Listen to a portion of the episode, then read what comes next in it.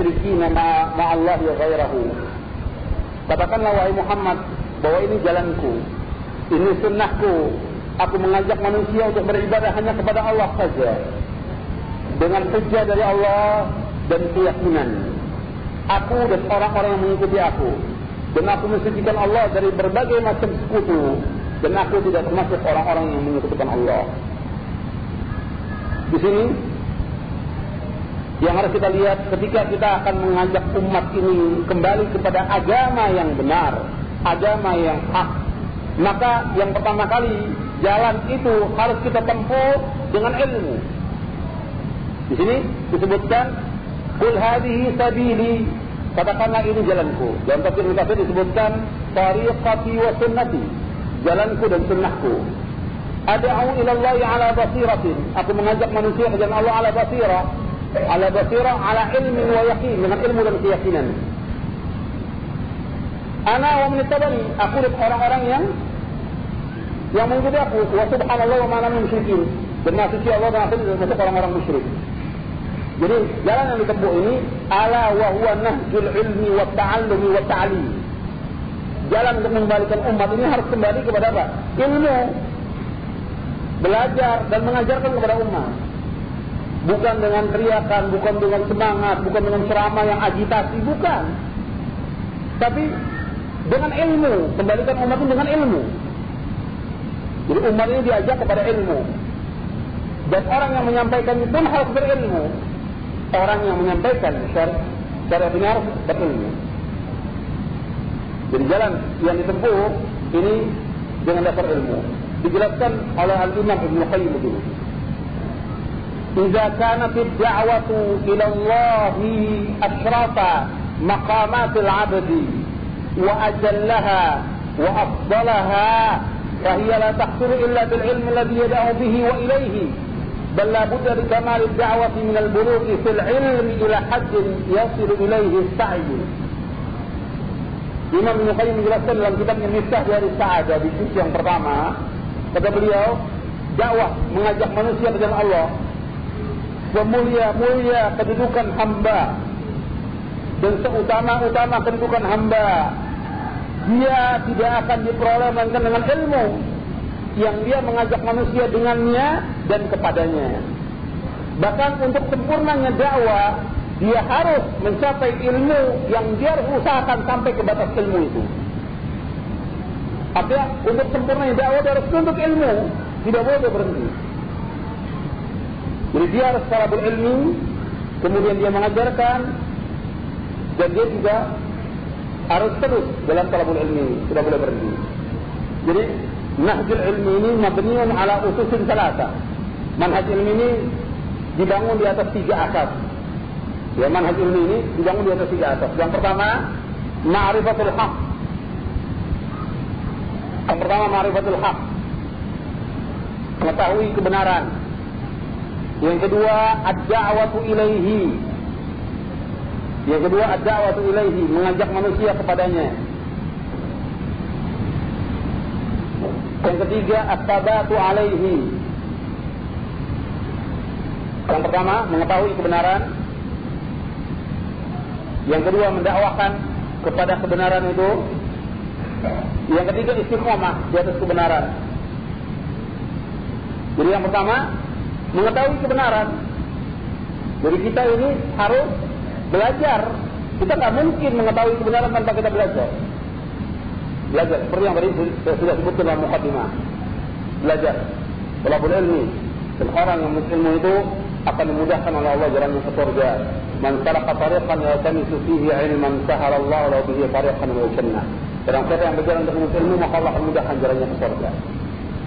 Itu barang siapa yang berjalan untuk menuntut ilmu, maka Allah akan mudahkan jalannya ke surga. Jadi ini harus belajar. Yang kedua, mendakwahkan kebenaran itu. Setelah dia tahu kebenaran, dan kebenaran ini dasarnya apa? Al-Quran, As-Sunnah, menurut pemahaman para sahabat. Mengetahui kebenaran yaitu belajar Quran, belajar Sunnah, menurut pemahaman para sahabat. Jadi harus terus kita pelajari. Yang kedua, mendakwakan kebenaran ini dan mengajak manusia kepada kebenaran. Anda perhatikan di dalam ayat ini ada'u ilallah. Mengajak manusia ke jalan Allah. Bukan ada'u ila nafsi. Bukan mengajak manusia kepada diriku. Kepada dirinya. Jadi dia mengajarkan kepada murid bagaimana murid perlu mengagungkan dia. Tidak boleh. Tidak boleh.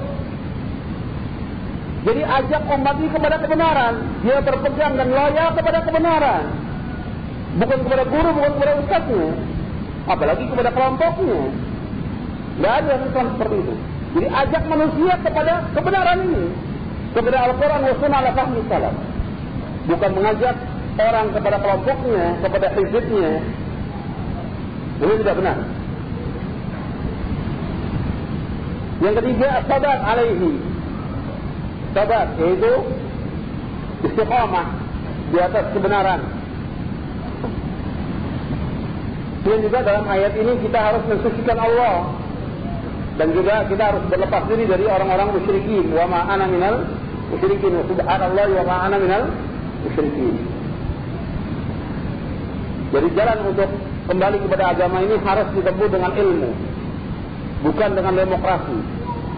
Bukan dengan partai. Bukan dengan kelompok. Bukan dengan hizab bukan dengan cara-cara yang lain bukan tapi kembali kepada agama ini harus ditempuh dengan ilmu dan syaksia, contoh syaksia ini disebutkan oleh Syekh Ali Hasan dua. Contoh yang terus mengembalikan umat ini kepada agama dengan ilmu, dengan dakwah, dengan amal, yaitu yang pertama Al-Imam Ahmad bin Hanbal Al-Syaibani rahimahullah. Dalam fitnah khalqul Quran. Kemudian yang kedua yaitu Syekhul Islam Ibnu Taimiyah Syekhul Islam Ahmad bin Abdul Halim bin Taimiyah Al-Harrani rahimahullah. Jadi Imam Ahmad pada abad ketiga, Syekhul Islam pada abad ketujuh. Imam Ahmad abad kedua dan ketiga, Syekhul Islam pada abad ke-6 dan ke-7. Imam Ahmad bin Hanbal rahimahullah selalu berdoa Allahumma amitna al-Islam wa sunnah. Ya Allah wafatkanlah kami di atas Islam dan sunnah. Lalu beliau berdoa, Ya Allah wafatkanlah aku di atas Islam dan sunnah. Bagaimana yang dijelaskan dalam Al-Maqsud Al-Arsyad di zikri Ashabul Imam Ahmad. Kemudian sosok yang kedua yaitu Syekhul Islam Ahmad bin Abdul Halim bin Taimiyah. Bahkan beliau menjelaskan begini di dalam majmu' fatwanya Beliau mengatakan yajibu ta'limu auladul muslimina ma amara Allah bi ta'limihim iyyahu wa tarbiyatuhum ala ta'atillah wa rasulih. Wajib mengajarkan anak-anak kaum muslimin menurut apa yang Allah perintahkan untuk mengajarkan kepada mereka dan mendidik mereka di atas taat kepada Allah dan Rasulnya. Di dalam majmu' fatwa juz yang ke-11. Jadi terkait Syekhul Islam dalam mendidik umat Islam ini ini dua. Yaitu kata Syekh Ali yaitu at-tasfiyah wa tarbiyah. Sebab dan tarbiyah ini merupakan asas untuk membina masyarakat ini. Untuk mengembalikan manusia ke jalan yang hak yaitu harus dengan tasfiyah yang kedua dengan tarbiyah yang pertama dengan tasfiyah, yang kedua dengan tarbiyah. Apa yang dimaksud dengan tasfiyah? Tasfiyah artinya tasfiyatul Islam bisa iri majalatihi mimma huwa gharibun anhu au ba'idun minhu.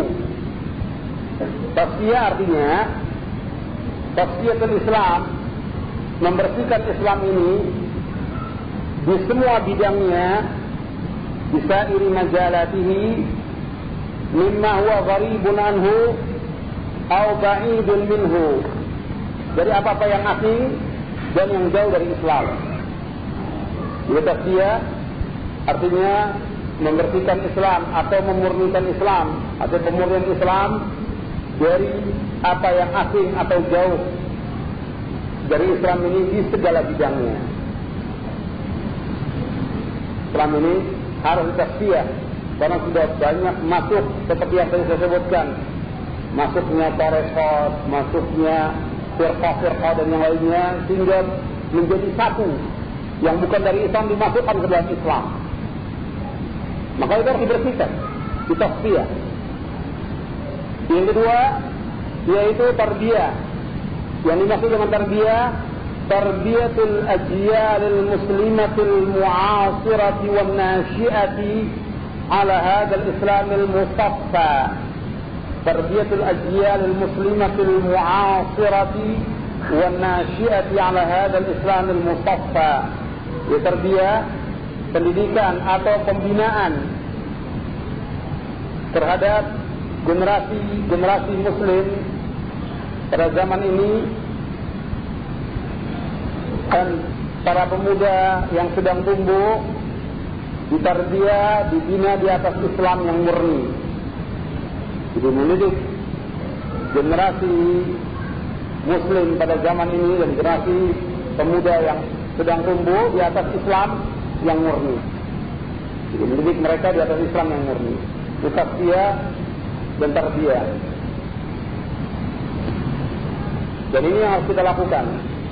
Nah banyak yang terjadi dijelaskan oleh Syekh Ali Hasan di sini banyak terjadi orang bukannya mereka berusaha mengembalikan umat ini ke jalan yang hak dengan ilmu, dengan tafsir dan tarbiyah, tapi mereka justru mengajak umat ini kepada kancah politik.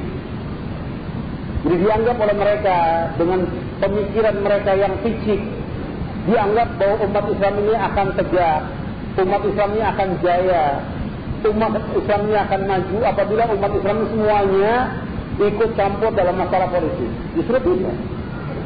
Bukan tambah benar, tambah hancur umat ini. Diajak semuanya apa yang tidak ngerti. Diajak untuk ikut berpolitik. Semuanya ikut berpolitik. Akhirnya karena mereka diajak untuk ikut dalam berpolitik, mereka disibukkan dengan apa? Disibukkan dengan mendengar berita dengan membaca koran, dengan membaca majalah-majalah, dan juga berusaha untuk mencari informasi-informasi yang terbaru. Itu terus. Justru dengan mereka selalu melihat televisi, mendengarkan radio, mendengarkan berita yang dianggap perkembangan politik yang ada, bukan mereka tambah dekat dengan Allah SWT, tambah jauh mereka dengan Allah tambah keras hati mereka dengan sebab itu. Dan mereka sibuk dengan apa-apa yang tidak ada manfaat buat mereka. Sedangkan Islam mengatakan min Islam min mari melayani. Kebaikan Islam seorang meninggalkan apa yang tidak bermanfaat. Tidak ada buat dia. Tidak bermanfaat buat diri dia, tidak bermanfaat buat istri dia, tidak bermanfaat buat anak dia, tidak bermanfaat buat umat. Iya kan? Sampai hafal berita itu jam berapa? BBC itu jam berapa? Saya hafal. Harus semua berita bermalam seperti itu juga pagi seperti itu. Habis itu. Yang masih setengah jam dia bisa membaca Al-Quran, dia bisa baca tafsir Al-Quran, dia bisa membaca hadis Nabi, dia bisa mengajarkan istrinya yang baik. Tidak ada itu sama sekali. Habis itu. Dan tidak ada manfaat bagi dia. Tidak ada manfaat. Jadi dianggap oleh mereka bahwa dengan cara seperti ini akan mengembalikan umat kepada Islam. Tidak. Justru umat itu tambah jauh. Umat ini tambah jauh. Di sini disebutkan bahwa kita membuang-buang waktu untuk mengikuti koran, majalah, berita, dan yang lainnya. Ini membuang-buang waktu dan tidak ada manfaatnya. Bahkan yang kita dengar sesuatu yang berulang-ulang. Sesuatu yang berulang-ulang. Atau di koran, sesuatu yang berulang-ulang. Dan tidak, dan ditanya oleh Allah SWT tentang umur kita. Allah akan bertanya kepada kita tentang waktu kita yang kita buang. Karena waktu ini merupakan amanah dan akan ditanya oleh Allah SWT. Kemudian disebutkan di sini, "Fala budda min muhasabatin nafsi 'ala al-awqat wal amwal allati tunfaqu fi syira'i wa mutaba'ati al-majallat wal jara'id wa dawriyat al-mukhtalifah wa taqwim an-nata'ij min wara'i al-qira'ati was sama'." Jadi penting saya ingatkan seperti ini penting sekali. Ya, Setiap kali juga mengatakan karena orang menganggap dengan anggapan yang salah. Dia anggap bahwa umat kembali dengan cara politik. Ini tidak benar. Di sini disebutkan maka kita harus menghisap diri kita tentang waktu, tentang harta yang dihabiskan untuk membeli dan mengikuti terus-menerus tentang majalah-majalah yang kita beli. Koran-koran yang kita beli setiap hari. Kemudian juga jurnal. Ya, siaran yang periodik itu yang kita beli, itu akan ditanya oleh Allah. Uang ini akan ditanya, ke mana kita habiskan uang itu. Dan kemudian kita menilai, apa hasilnya di balik kita membaca dan mendengar berita itu dan apa yang kita lihat, apa manfaatnya. Kemudian disebutkan wayam bagil hazar minan nata'ij al-aqsiyah lil-inshighal bi hadhihi al-qadaya. Dan adalah kita berhati-hati hasil ya kebalikan dari kita sibuk dengan ini hasilnya yang ada yang pertama disebutkan oleh Syekh Ali Hasan qaswatul qalbi. Hati ini akan menjadi keras. Dengan kita selalu melihat televisi yang tidak ada manfaatnya bukan saya tidak mengharamkan alatnya tapi acaranya 99% ya maaf saja acaranya. Bukan alat acaranya 99% dengan dia terus melihat itu dengan dia mendengar berita, dengan dia baca koran terus menerus. Apa? Di sini disebutkan qaswatul qalb. Hati ini tambah keras. Anda bisa rasakan, Anda mendengar ayat, mendengar hadis, itu terasa sejuk hati ini. Tapi dengan mendengar berita, tambah lama tambah keras hati ini. Anda tidak terasa. Masuknya itu ke dalam hati itu sangat sangat dalam dan tidak keras. Karena syubhat itu kalau masuk itu ke dalam hati tidak akan kembali lagi dan tidak akan keluar lagi kasatul qalb. Jadi kita menjadi keras di anba'i dunia wal khili wal khal. Dengan berita-berita dunia, dengan perkataan, dengan katanya dan segala macam akan keras hati kita. Yang kedua, istisabul ma'lumatil maghluta. Kita akan memperoleh berita yang salah. Berita yang salah karena kantor berita ini dikuasai oleh orang-orang kafir. Tidak mungkin dia akan memberikan berita yang benar. Tidak mungkin. Orang kafir tidak mungkin akan menceritakan berita yang sebenarnya. Berita yang tidak benar, kita memperoleh maklumat yang yang salah. Bahkan wa tashwihat al-mabsusah min tarfin khafi. Bahkan kita mendapatkan pemutarbalikan fakta dari arah yang tersembunyi. Kemudian yang ketiga al-ya'su wal Kita akan putus asa dari mendengar berita-berita itu kita akan putus asa. Karena apa? Karena orang kufar ini sudah kuat. Yang diberitakan itu senjatanya orang-orang kafir, kekuatannya orang-orang kafir, kehebatannya orang-orang kafir, sehingga kita lemah sebab itu. Yang akhirnya karena melihat yang seperti itu dia mengambil kesimpulan pun yang salah. Sehingga dalam ceramahnya untuk kembali umat ini kita harus belajar tentang teknologi seperti orang-orang kafir. Sudah tahu. Dari dengar berita itu sudah salah. Di samping dia putus asa, kemudian menjelaskan kepada umat salah. Bukan itu. Ketika Rasulullah Shallallahu Alaihi berdakwah pertama kali, ini ada dua negara yang maju, Romawi dan Persia pada waktu itu. Tapi Rasulullah tidak pernah menakutkan umatnya tentang Persia dan Romawi. Tidak pernah. Dan Rasulullah tidak pernah cerita sedikit pun juga kepada para sahabat tentang kekuatan Romawi dan Persia. Tidak pernah kepada para sahabat itu. Tapi yang diberikan tentang kekuatan Allah yang maha kuasa. Kekuatan Allah yang maha kuat. Terus dijelaskan kepada umat ini tentang itu. Sehingga orang tambah yakin, tambah sikap kepada Allah dan i'timad kepada Allah. Dia bergabung hanya kepada Allah. Makanya Ibn Qayyim ketika membahas wa iyyaka nasta'in Ibn Qayyim ketika membahas dalam tafsir Al-Qayyim Ibn Qayyim Ketika membahas iya karena Sa'in mengatakan bahwa dalam ayat ini ada dua kata Qayyim. Yang pertama yaitu asyaqatu billah, mengikat orang untuk percaya hanya kepada Allah. Yang kedua kata beliau yaitu al-i'timadu 'ala Allah. Hanya bersandar kepada Allah tidak kepada yang lain. Iya karena saya kita bergantung kepada Allah. Orang kafir tidak ada apa-apa. Wa makaru wa makar Allah wallahu khairul makirin. Mereka punya makar, Allah punya makar. Dan Allah sebaik-baik makar. Dan mereka sangat lemah. Sangat lemah orang kafir itu. Tapi ini kita ketakuti dengan berita ini sehingga dianggap bahwa dengan kita memberitakan itu bermanfaat buat umat juga. Bisa membuat umat ini putus asa dan bukan dengan cara itu. cara kembali umat dengan ilmu, bukan dengan berita ini. Dan kita tidak boleh menakutkan satu kaum muslimin. Tidak boleh. Kata Nabi, la yahilu li muslimin ayyurawwi'a musliman. Kata Nabi. Tidak boleh seorang muslim menakut-nakuti orang muslim lainnya. Tidak boleh. Tidak boleh. Apalagi yang suka dekat dengan pejabat. Bentar lagi ini. Ini orang kafir udah mau menguasai ini. Ini ntar pengajian ini mau dibubarkan. Ini terus ditakut-takuti. Ahlul bidah nggak ditakut-takuti. Yang sunnah ditakut-takuti. Terus seperti itu. Ini biasanya yang yang dekat dengan pejabat selalu seperti itu. Bawa berita, bawa omongan, hati-hati. Nanti akan terjadi seperti ini. Allah itu maha berkuasa. Allah maha kuat. Dan yang menegakkan sunnah akan ditolong oleh Allah. Pasti Allah akan tolong. Dan kita jangan mundur. Dan dakwah ini harus tetap tegak selama ada langit dan bumi. Dakwah salaf ini harus tegak selama ada langit dan bumi. Jangan ditakut-takuti dengan orang-orang kufar. Orang-orang munafik dan ahlul bidah. Jangan kita takut. Jadi ini antum perhatikan soal masalah itu.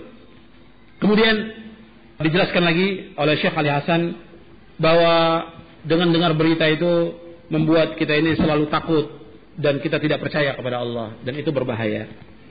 Karena itu kita kembali kepada Al-Quran, kembali kepada Sunnah dan ajarkan ilmu yang kepada umat. Itu yang akan membuat umat ini menjadi bangkit dan jaya. Dari isi dengan ilmu, bukan dengan berita. Jadi antum perhatikan ya, berita itu saya ingatkan kepada antum juga, terutama juga kepada dai dan yang lainnya. Kadang-kadang kita ingin tahu berita, kadang-kadang kita ingin tahu berita, dan setan terus menerus menggoda kita. Dan setan tidak senang kita ini di atas jalan yang hak tidak senang. Kalau sudah beli sekali, nanti terus lagi. Kurang, ada bersambung ceritanya. Beritanya bersambung terus. Berapa banyak uang kita habiskan. Dan gak ada manfaatnya. Setahun antum baca Quran dibanding antum baca Al-Quran masih manfaat baca Quran dengan tafsirnya. Antum setahun baca Quran dengan tafsirnya ini. Ini manfaat. Daripada baca Quran tidak menghasilkan apa-apa. Setahun antum baca Quran tidak dapat ilmu sama sekali. Setahun. Setahun antum baca Al-Quran dengan tafsirnya antum jadi orang alim. Iya.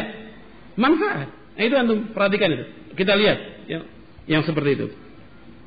Kemudian sekarang kita masuk poin yang kedua. Bab yang kedua atau pasal yang kedua.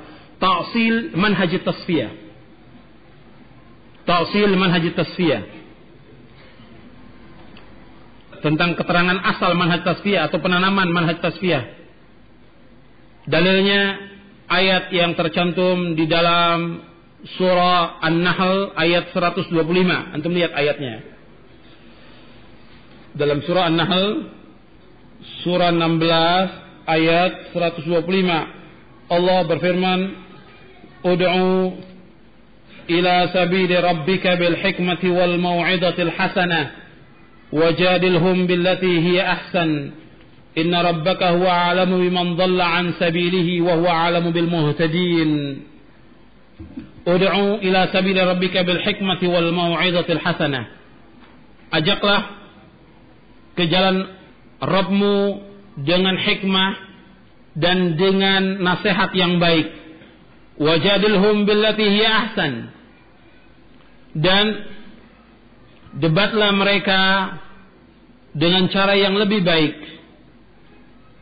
Inna rabbaka huwa alam man dhalla an sabilihi. Sesungguhnya Rabb kamu mengetahui orang yang sesat dari jalannya wa huwa alamu bil muhtadin dan dia mengetahui siapa yang mendapatkan petunjuk.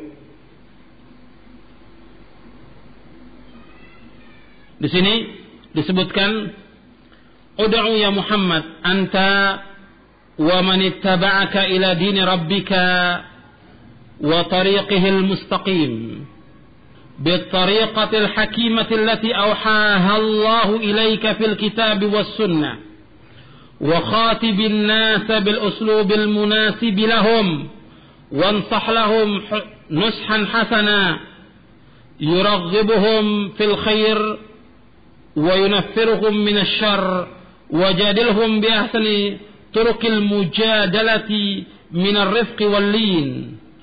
فما عليك إلا البلاغ وقد بلغت أما هدايتهم فعلى الله وحده fahuwa alami man dhalla an sabilihi wa huwa alamul muhtadin. Dalam tafsir Al-Muyassar dijelaskan begini. Ajaklah wahai Muhammad, engkau dan orang-orang yang mengikutimu, ajaklah manusia kepada agama Rabbmu dan kepada jalan yang lurus. dengan cara yang bijaksana yang Allah telah wahyukan kepadamu dari Al-Quran dan Sunnah. Dan katakanlah kepada manusia dengan uslub, dengan cara yang sesuai dengan mereka. Nasihati mereka dengan cara yang baik. Anjurkan mereka kepada kebaikan dan larang mereka dari kejahatan. Dan diskusilah mereka dengan cara yang lebih baik. Dengan cara-cara yang lemah lembut dan engkau tidak ada kewajiban melainkan menyampaikan. Adapun hidayah mereka itu tanggung jawab Allah. Allah yang mengetahui orang yang sesat dari jalannya dan Allah mengetahui orang-orang yang mendapatkan petunjuk. Jadi sini dijelaskan di sini oleh Syekh Ali Hasan, "Wa hadhil ayatul karimatu hiya al-asasu fi ta'limid du'ati tariqahum ila Allah wa sabilahum fid da'wati." فإن الله تبارك وتعالى قد شرع لعباده بما أنزل من كتابه وما كان من بيان رسوله ما فيه استنارة عقولهم وزكاء نفوسهم واستقامة أعمالهم Ayat yang mulia ini merupakan asas untuk mengajarkan para dai para dai bagaimana jalan mereka mengajak manusia ke jalan Allah ini. Bagaimana para dai mengajak manusia ke jalan Allah? Dan bagaimana jalan mereka dalam dakwah? Karena sungguhnya Allah tabaraka wa taala telah mensyariatkan kepada hamba-hambanya dengan apa yang Allah turunkan dari kitabnya dan apa yang dijelaskan oleh rasulnya. Ini sudah cukup menerangi akal mereka dan membersihkan hati mereka serta menunjukkan tentang istiqomahnya amal mereka. Jadi ayat ini sudah jelas untuk para dai untuk berpegang kepada jalan Allah. Kita mengajak manusia ke mana? Kalau tadi dakwah ini harus dengan apa? Dengan ilmu. Dakwah ini harus dengan ilmu. Yang ilmu yang dimaksud apa? Teknologi apa? Politik, ekonomi atau apa yang dimaksud dengan ilmu di situ? Al-Quran was sunnah ala fahmi salaf. Al-Quran was sunnah ala fahmi salaf. Paham itu ya? Sekarang yang kedua dibawakan di sini ajak manusia ke jalan Allah. Tadi dakwah itu harus dengan ilmu. Sekarang mengajak manusia ke jalan Allah. Bukan ke jalan yang lain, ke jalan Allah. Dan jalan Allah itu hanya satu. Jalan Allah itu hanya satu, jalan yang telah ditempuh oleh Rasulullah dan para sahabatnya. Sekarang kita lihat penjelasan Syekh Al-Alama Abdul Hamid bin Badis rahimahullah tentang makna ini. Apa yang dimaksud dengan sabil di sini? Kata Syekh Al-Alama Abdul Hamid bin Badis rahimahullah beliau mengatakan begini, dia seorang ulama dari Aljazair. Kata beliau begini, "Wa sammahu sabilan liyaltazimuhu fi jami' marahil sayrihim fi hadhihi al-hayati." ليفدي بهم إلى الغاية المقصودة وهي السعادة الأبدية في الحياة الأخرى وأضافه إلى نفسه ليعلموا أنه هو وضعه وأنه لا شيء يوصل إلى رضوانه سواه dinamakan oleh Allah dengan jalan agar manusia berpegang dengan jalan ini dalam semua marhalah dalam semua fase perjalanan mereka dalam hidup ini berpegang dengan jalan Allah ini, tidak berpegang dengan jalan yang lain. Agar mereka dapat sampai kepada tujuan yang dimaksud, yaitu kebahagiaan yang abadi di akhirat nanti. Kemudian Allah menisbatkan kepada dirinya, menyandarkan kepada dirinya agar mereka mengetahui bahwa Allah yang meletakkan jalan ini. Dan tidak ada sesuatu pun yang menyampaikan kepada keredaan Allah melainkan dengan dengan jalan ini. Kemudian kata beliau begini.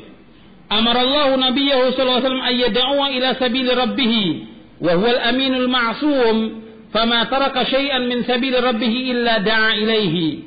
Fa'arafna bihadha anna ma lam yad'u ilaihi Muhammadun sallallahu alaihi wasallam falaysa min sabili rabbi jalla jalaluh. فاهتدينا بهذا وأم فاهتدينا بهذا وأمثاله كثير إلى فرقي بين الحق والباطل والهدى والضلال ودعاة الله ودعاة الشيطان. فمن دعا إلى ما دعا إليه النبي صلى الله عليه وسلم فهو من دعاة الله يدعو إلى الحق والهدى. ومن دعا إلى ما لم يدع إليه محمد صلى الله عليه وسلم فهو من دعاة الشيطان يدعو إلى الباطل والضلال. فالمسلم المتبع للنبي صلى الله عليه وسلم la ya'lu جهدا في الدعوة إلى كل ما عرف من سبيل ربه.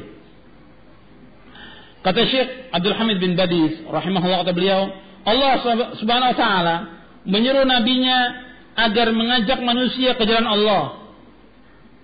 Dan beliau adalah orang yang jujur dan terpelihara dari kesalahan. Tidak ada sesuatu jalan melainkan Nabi telah mengajak manusia kepadanya.